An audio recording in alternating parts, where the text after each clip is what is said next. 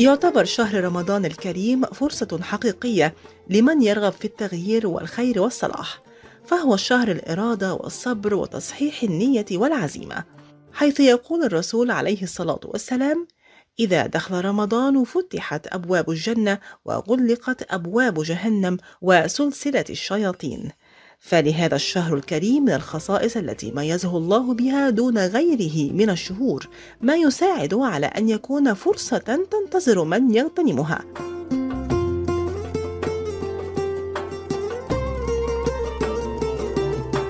عن رمضان والشباب يحدثنا الدكتور عبد الجليل منصور في برنامج خاص على أثير إذاعة صوت العرب من أمريكا.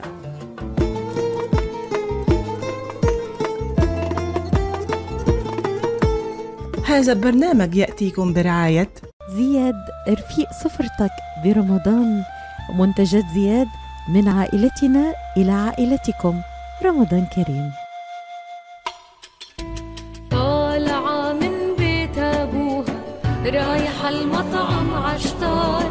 فاطمة سلم علي يمكن لحيله جوعان قلت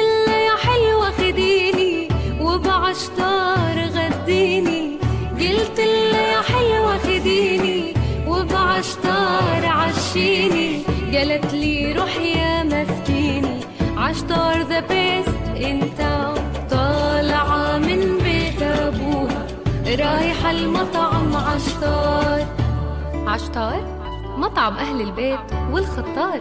3625 15 Mile Road في مدينة ستيرلينغ هايت. هاتف 586-698-2585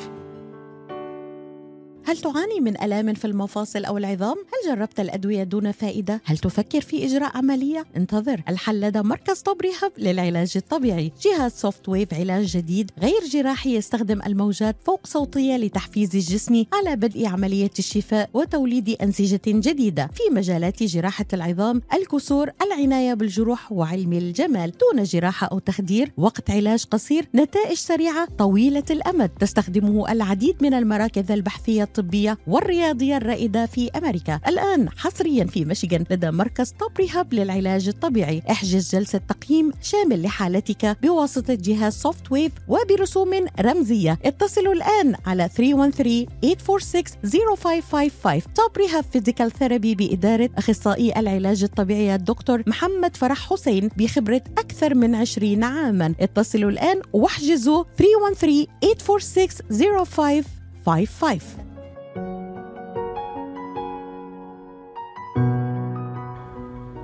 بسم الله الرحمن الرحيم. الحمد لله رب العالمين. والصلاة والسلام على سيدنا محمد وعلى آله وأصحابه أجمعين. يقول رسولنا الكريم صلى الله عليه وسلم جاءكم شهر رمضان شهر مبارك. كتب الله عليكم صيامه. تفتح فيه أبواب الجنان وتغلق فيه أبواب الجحيم. وقال صلى الله عليه وسلم إذا كان أول ليلة من شهر رمضان صفدت الشياطين ومردت الجن وغلقت أبواب النار فلم يفتح منها باب وفتحت أبواب الجنة فلم يغلق منها باب. وينادي مناد كل ليلة يا باغي الخير أقبل ويا باغي الشر أقصر. ولله عتقاء من النار وذلك كل ليلة. إذا أتى على المسلم شهر رمضان وهو في صحة جيدة وعافية ونشاط فهي نعمة كبيرة وعظيمة. لقد كان المسلمون وما زالوا ينتظرون هذا الشهر الكريم المبارك ويدعون الله عز وجل قبل أن يأتي أن يتفضل عليهم بأن يكونوا من أهل شهر رمضان وقلوبهم وألسنتهم تدعو الله عز وجل اللهم بلغنا رمضان فإذا بلغوه نادوا من أعماق قلوبهم يا رب سلمنا لرمضان وسلمه لنا وتسلمه منا متقبلا حتى ينقضي وقد غفرت لنا ورحمتنا وعفوت عنا. فلله الحمد أننا شهدنا هذا الشهر الكريم هذا العام وقد مضى إخوة لنا منذ شهر رمضان الماضي في السنة الماضية للقاء الله عز وجل ولم يكتب لهم شهود هذا الشهر الكريم المبارك. فرحم الله من مضى من أحبابنا وغفر لهم وعفى عنهم. وشهودنا هذا الشهر يحتاج إلى شكر الله عز وجل. ونرجو الله عز وجل أن يعيننا على صيامه وقيامه ويجعلنا من أهل ليلة القدر في هذه السنة. إن صيام هذا الشهر المبارك وقيامه يكفر الذنوب والخطايا ويمحو السيئات ما اجتنبت الكبائر لما له من فضل كبير ومكانة عظيمة. ففيه نزل القرآن الكريم ونزلت الكتب السماوية على أنبياء الله. أخرج الإمام أحمد في مسنده أن رسول الله صلى الله عليه وسلم قال أنزلت صحف إبراهيم عليه السلام في أول ليلة من رمضان وأنزلت التوراة لست مضين من رمضان والإنجيل لثلاث عشرة من رمضان. أيها الإخوة والأخوات في رمضان أنزلت الكتب المقدسة وفيه نزل القرآن الكريم في ليلة من أعظم ليالي الدنيا. إنها ليلة القدر التي هي من أخص خصائص شهر رمضان. وما أدراكم ما ليلة القدر؟ ينبئنا عنها العليم الخبير فيقول سبحانه ليلة القدر خير من ألف شهر. تنزل الملائكة والروح فيها بإذن ربهم من كل أمر سلام هي حتى مطلع الفجر. إنها ليلة كريمة مباركة من حرم خيرها فقد حرم. يفتح الله فيها الباب ويقرب الحبيب فيها الأحباب ويسمع الخطاب ويرد الجواب ويكتب الله للعاملين المخلصين فيها عظيم الأجر والثواب. ويجود الله فيها على عباده بالرحمة والمغفرة والعتق من النار. وفيها ينزل جبريل والملائكة يطوفون على الصائمين والقائمين والركع الساجدين والداعين والمستغفرين والباكين والمتضرعين.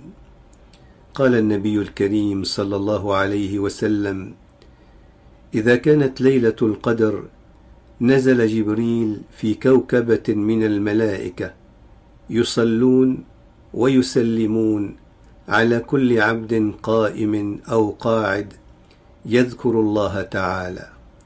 ولا يخرج الشيطان في هذه الليلة حتى يضيء فجرها. أيها الإخوة والأخوات في هذا الشهر الكريم يتضاعف الأجر للأعمال الصالحة التي يقوم بها المسلم وخاصة الصدقة في سبيل الله. فقد روى الترمذي عن أنس قال قال رسول الله صلى الله عليه وسلم أفضل الصدقة صدقة رمضان. والجمع بين الصيام والصدقة من موجبات الجنة. قال عليه الصلاة والسلام إن في الجنة غرفا ترى ظهورها من بطونها وبطونها من ظهورها. فقام أعرابي فقال لمن هي يا رسول الله؟ فقال النبي الكريم صلى الله عليه وسلم لمن أطاب الكلام وأطعم الطعام وأدام الصيام وصلى بالليل والناس نيام. وهذه كلها مجتمعة في شهر رمضان. وكان بعض السلف يقول الصلاة توصل صاحبها إلى نصف الطريق. والصيام يوصله إلى باب الملك. والصدقة تأخذ بيده فتدخله على الملك. وكان أبو الدرداء رضي الله عنه يقول صلوا في ظلمة الليل ركعتين لظلمة القبور. صوموا يوما شديدا حره لحر يوم النشور. تصدقوا بصدقة مخافة يوم عسير. وكان نبينا وحبيبنا صلى الله عليه وسلم أجود الناس بالخير وكان أجود ما يكون في شهر رمضان حتى ينسلخ فيأتيه جبريل فيعرض عليه القرآن فإذا لقيه جبريل كان رسول الله صلى الله عليه وسلم أجود بالخير من الريح المرسلة. والجود هو الكرم وهو البذل وهو الإنفاق وهو العطاء من غير سؤال. وسيدنا محمد صلى الله عليه وسلم قدوتنا فهو أعظم الناس وأكثر الناس جودا. وفي رمضان كان يزداد جوده وكرمه وعطاؤه صلى الله عليه وسلم. في هذا الشهر الكريم المبارك من جود الله عز وجل على عباده أنه يجود عليهم بالرحمة والمغفرة والعتق من النار ولا سيما في ليلة القدر. والله سبحانه وتعالى يرحم من عباده الرحماء. كما قال النبي الكريم عليه الصلاة والسلام إنما يرحم الله من عباده الرحماء.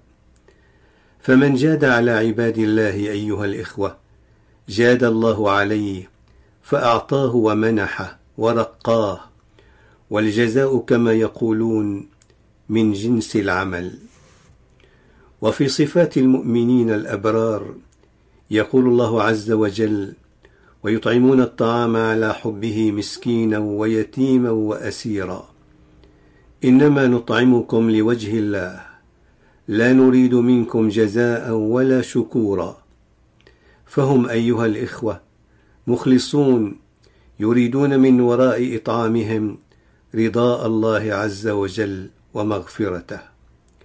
يشدهم إلى هذا الإطعام الخوف من الله عز وجل كما قال تعالى إنا نخاف من ربنا يوما عبوسا قمطريرا.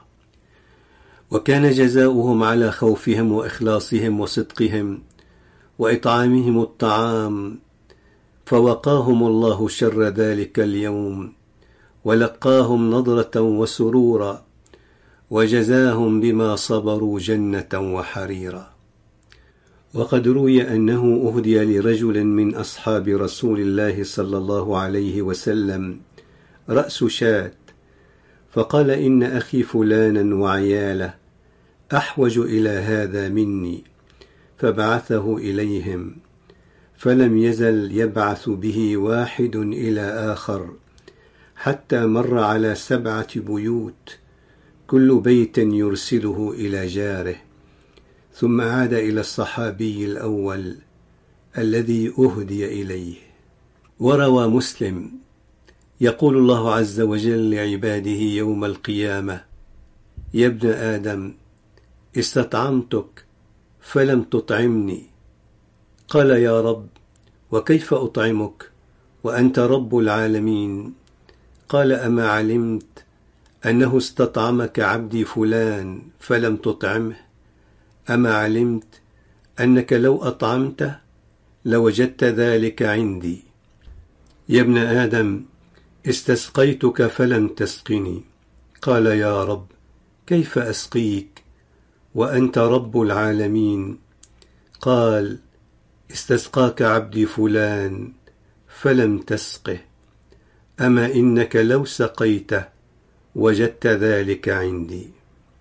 كان العلماء يقولون إذا حضر شهر رمضان فانبسطوا فيه بالنفقة فإن النفقة فيه مضاعفة كالنفقة في سبيل الله وتسبيحة فيه أفضل من تسبيحة في غيره. فهل نجتهد في رمضان بالأعمال الصالحة حتى نحوز على ذلك الأجر العظيم؟ وعلى رضاء الله عز وجل ومغفرته ورفعة الدرجات إن شاء الله تعالى. هذا البرنامج يأتيكم برعاية تحس إنه إيديك عم تنمل أو كتفك عم يجمد أو أصابعك عم تورم وما عم تقدر تشتغل فيهم مثل ما بتريد؟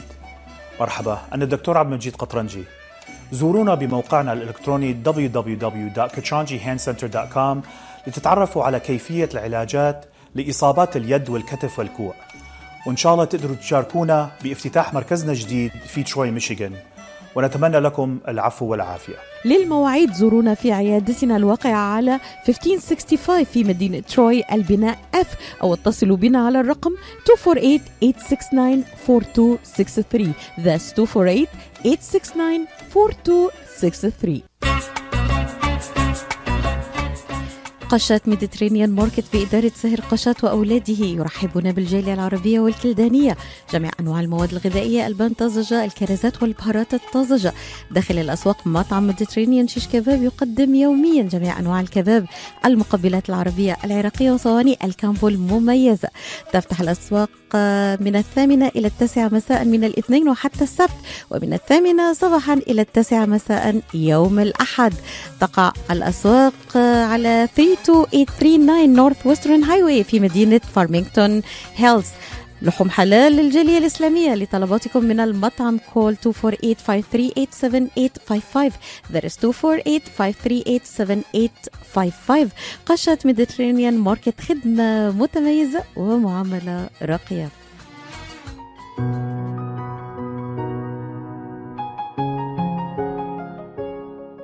يعتبر الصيام الذي كتبه الله عز وجل على المسلمين كما كتبه على الأمم التي قبلنا من أعظم ساحات الجهاد الروحي.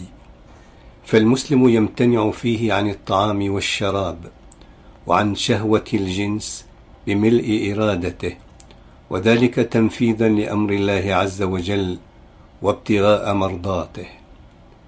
فهو يرى الطعام أمامه وهو جائع فلا يأكل ويرى الشراب بمتناول يده وهو عطشان ولا يشرب ويمتنع عن زوجته وهي بجانبه مع أنها حلال له لكن الله عز وجل منعه عن هذه المباحات خلال الصوم.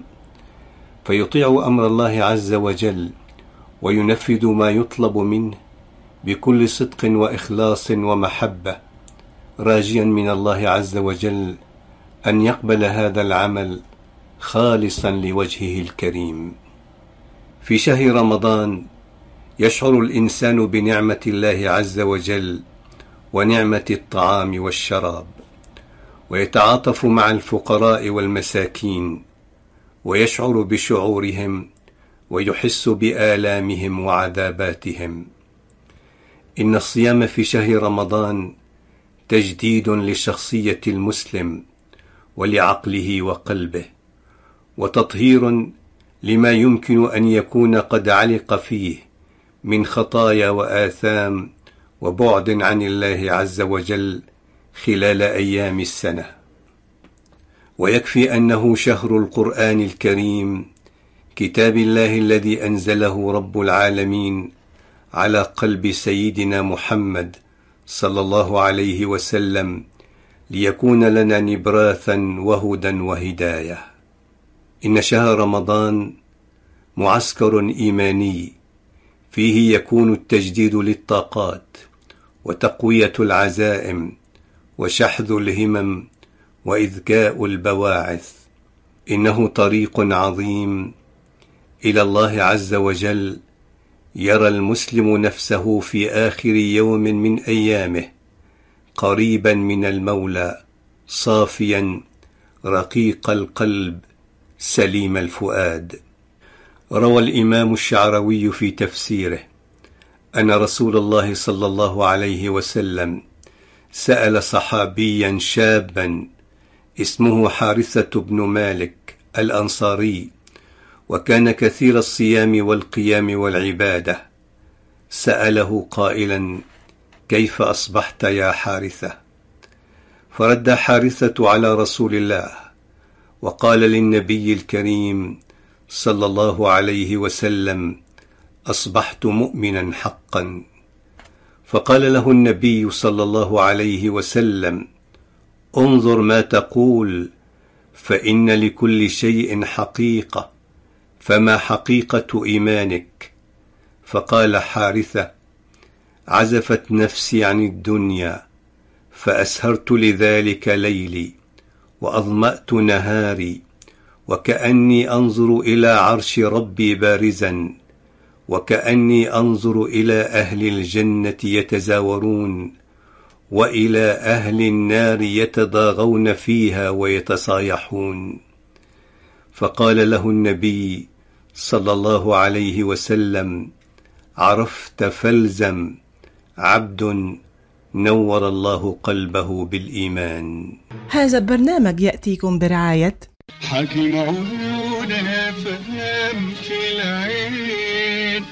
وافهم كمان في ومن بمثل خبرة الدكتور عماد نقاش أستاذ الطب وجراحة العيون في جامعة وين؟ خبرة طويلة في التعامل مع أمراض العيون وجراحتها عمليات تعديل وتصفية النظر إزالة الماء الأبيض والأسود الجلوكوما وتصحيح النظر من أثار مرض السكر.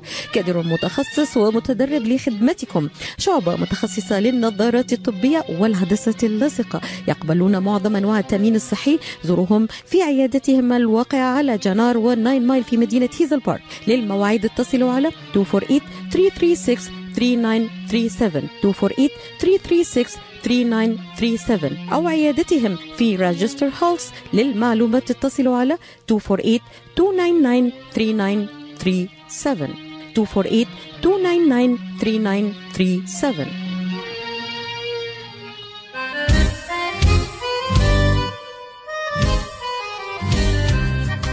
New Concept Products and Design. بإدارة نجي عبود هل تحتاج فتح مطعم؟ هل تحتاج فتح محل المواد الغذائية؟ هل تحتاج تصاميم وخرائط؟ اتصل بناجي عبود على الرقم 734-744-9796 هل تريد شراء معدات المطابخ والمطاعم وبأسعار مخفضة وتسهيلات بالدافع؟ اتصل بناجي عبود الآن على الرقم 734-744-9796 خصم 5% عند الشراء ب 75 ألف أو أكثر على كافة المواد لمزيد من المعلومات زوروا موقعهم الإلكتروني على www.newconceptproducts.com. أو زوروهم في موقعهم الجديد 31185 Schoolcraft in Livonia. ناجي عبود العلامة المميزة في عالم المطابخ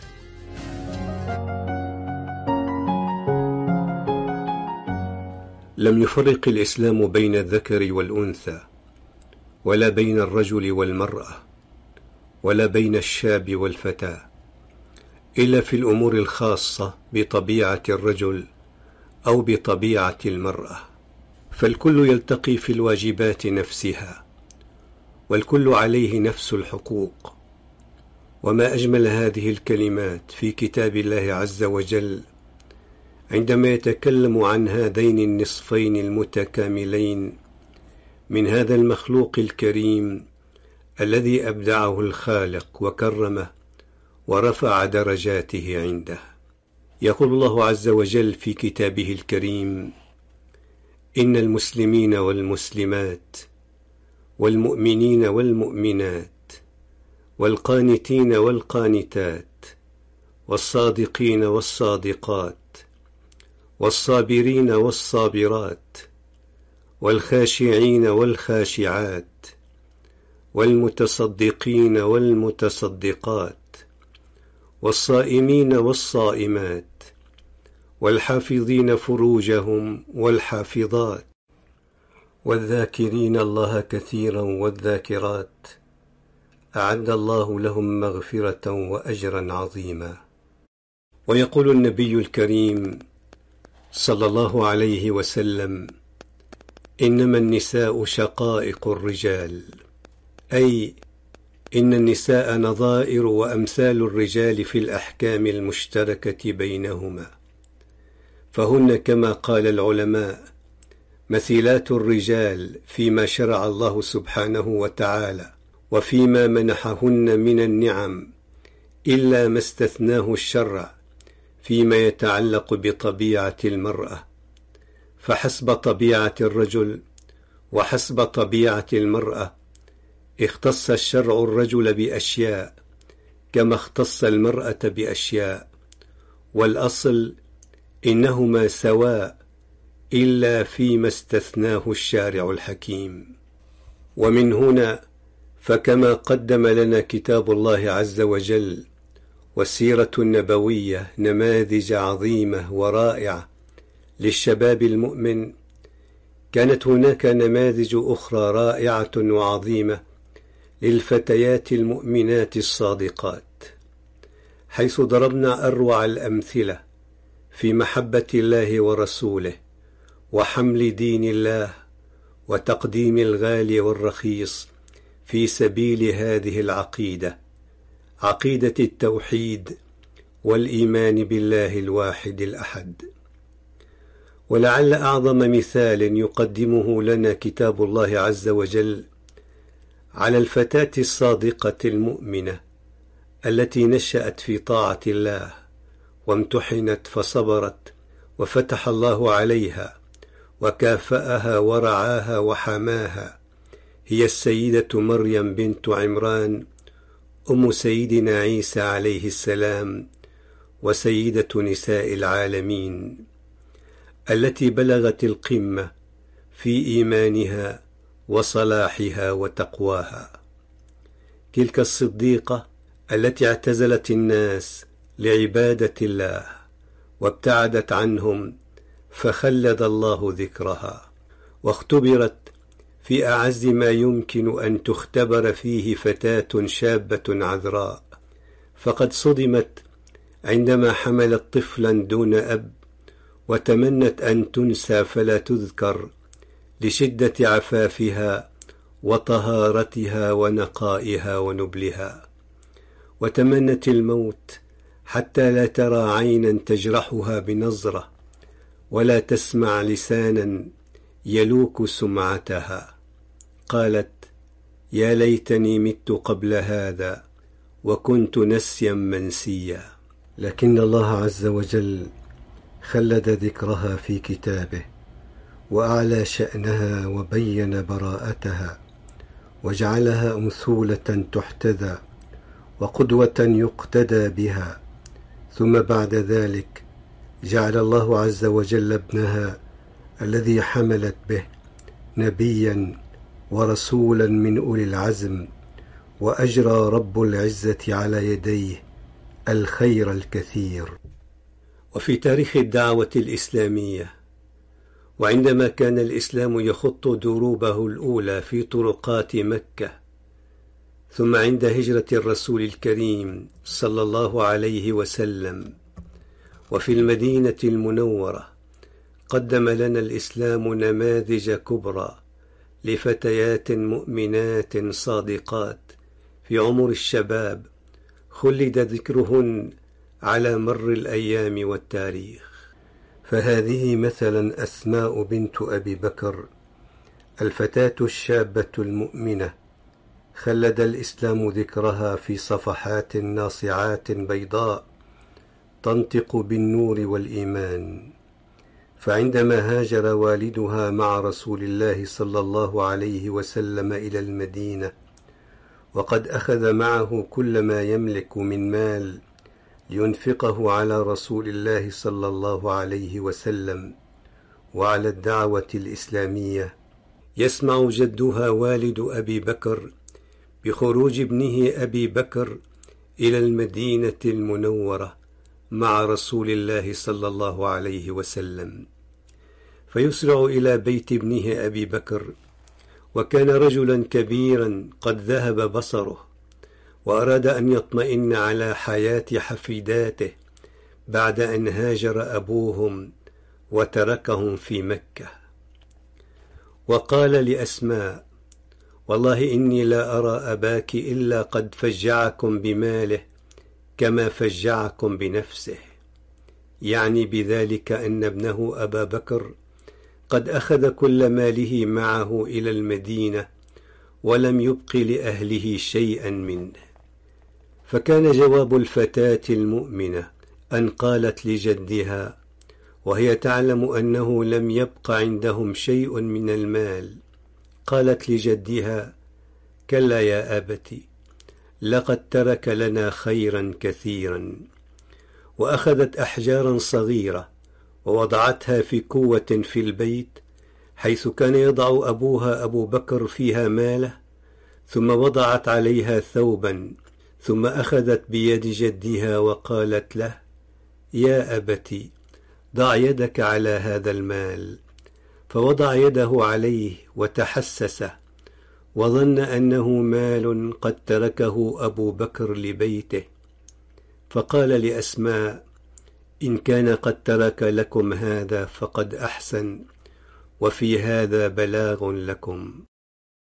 وكان كما قلت قد أخذ أبو بكر كل ماله لينفقه على رسول الله وعلى دعوة الإسلام. ولما سأل رسول الله صلى الله عليه وسلم أبا بكر ماذا أبقيت لأهلك يا أبا بكر؟ فقال أبو بكر للنبي الكريم صلى الله عليه وسلم أبقيت لهم الله ورسوله.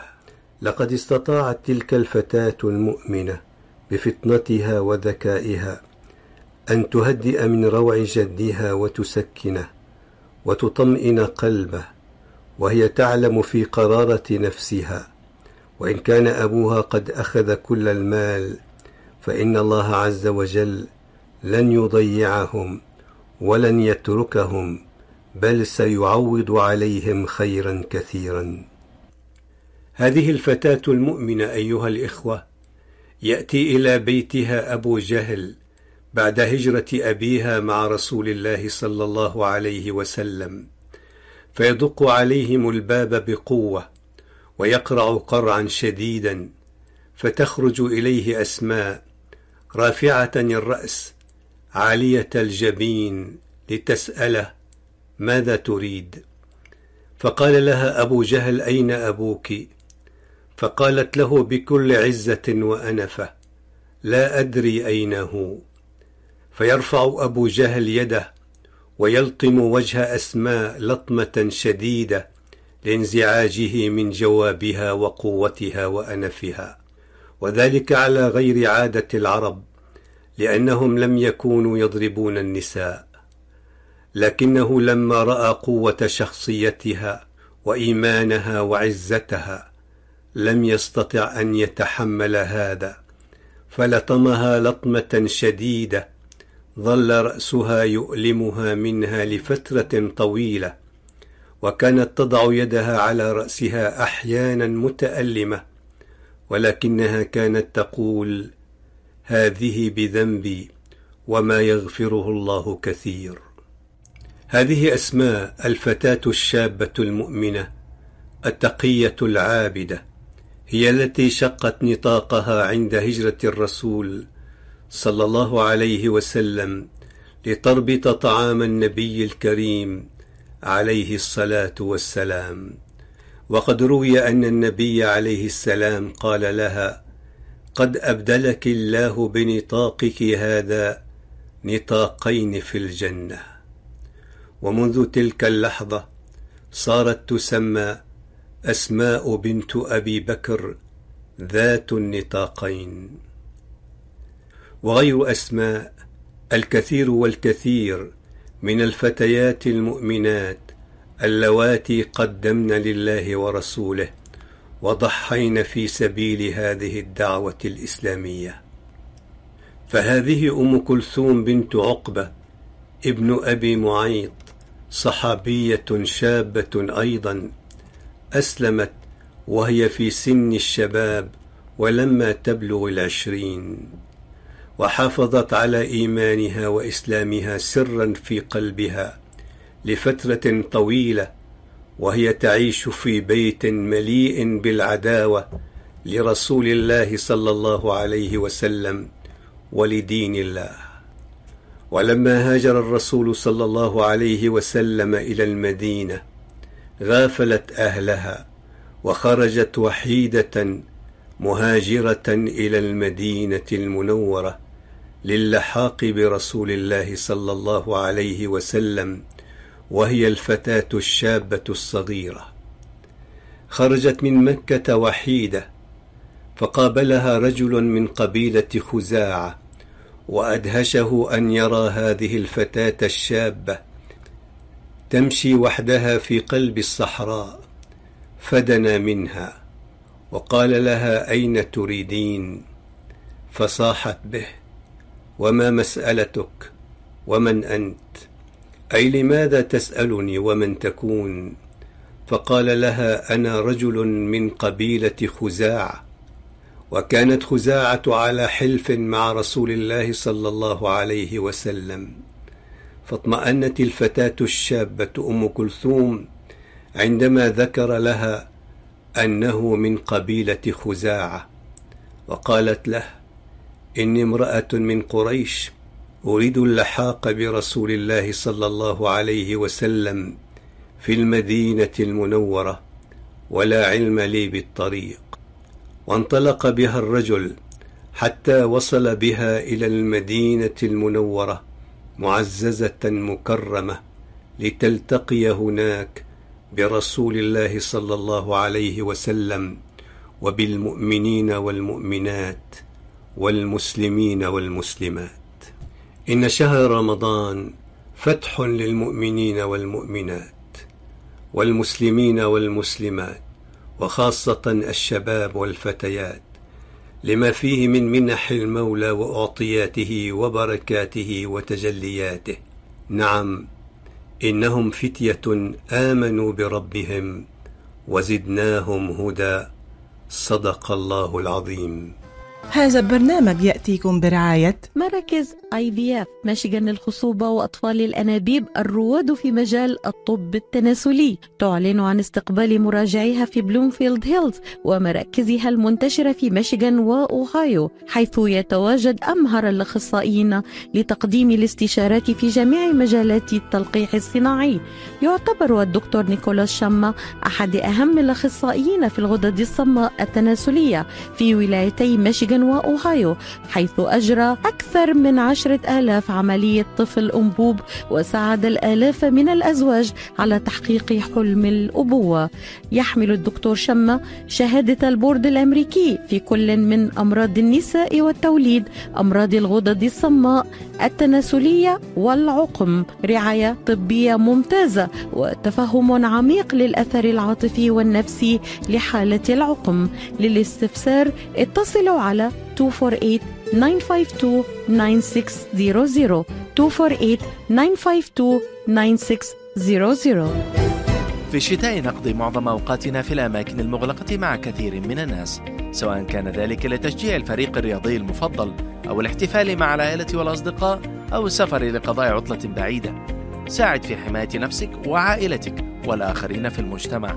لتستمتع بشتاء آمن حافظ على تلقي أحدث جرعة. من لقاح كوفيد-19 والإنفلونزا لمعرفة المزيد يرجى زيارة michigan.gov covid vaccine. رسالة من وزارة الصحة والخدمات الإنسانية في ولاية ميشيغان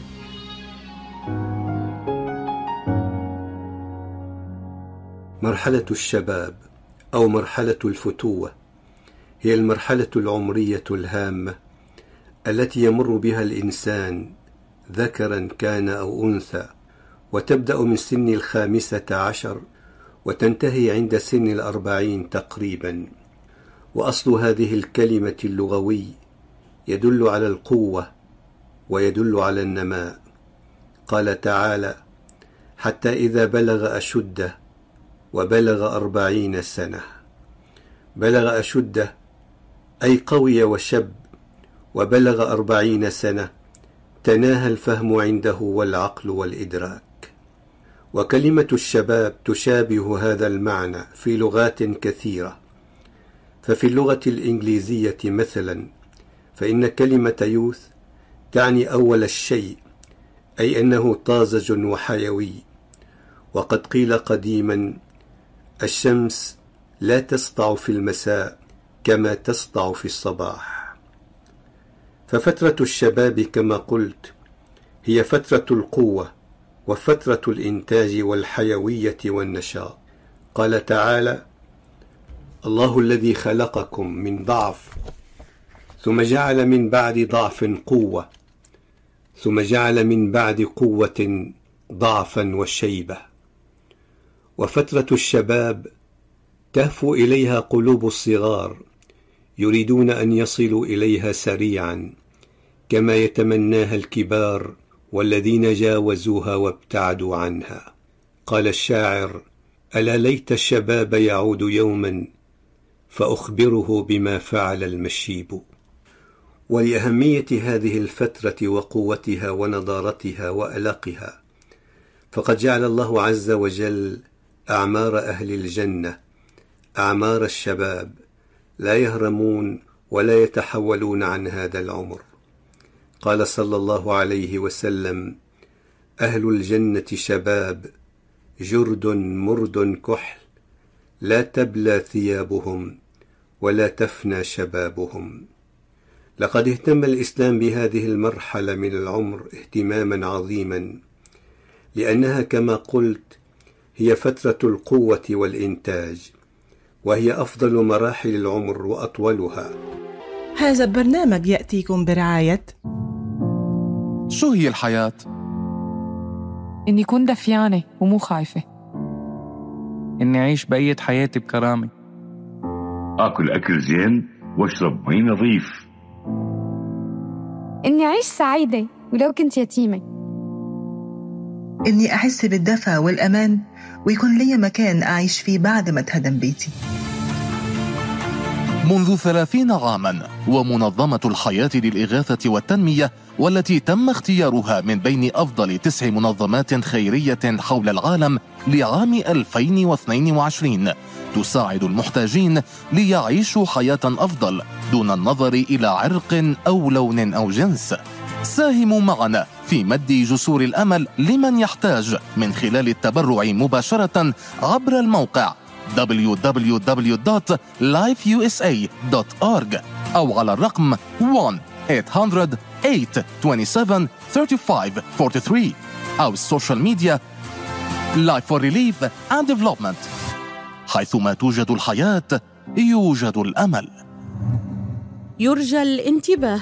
إلى أعضاء برنامج ميشيغان ميديكيت وكل المستفيدين من برامج المساعدة الغذائية. قد تؤثر التغييرات التي أجرتها السلطات الفيدرالية على مزايا وتغطية البرامج المقدمة لكم. لمعرفة التغييرات الجديدة وما تعنيه بالنسبة لكم يرجى زيارة michigan.gov/2023 benefit changes. michigan.gov/2023 benefit changes. هذا الإعلان برعاية وزارة الصحة والخدمات الإنسانية في ميشيغان ورابطة ميشيغان للمذيعين. شكرا لكم حسن الاستماع وإلى أن يتجدد اللقاء لكم منا كل الحب.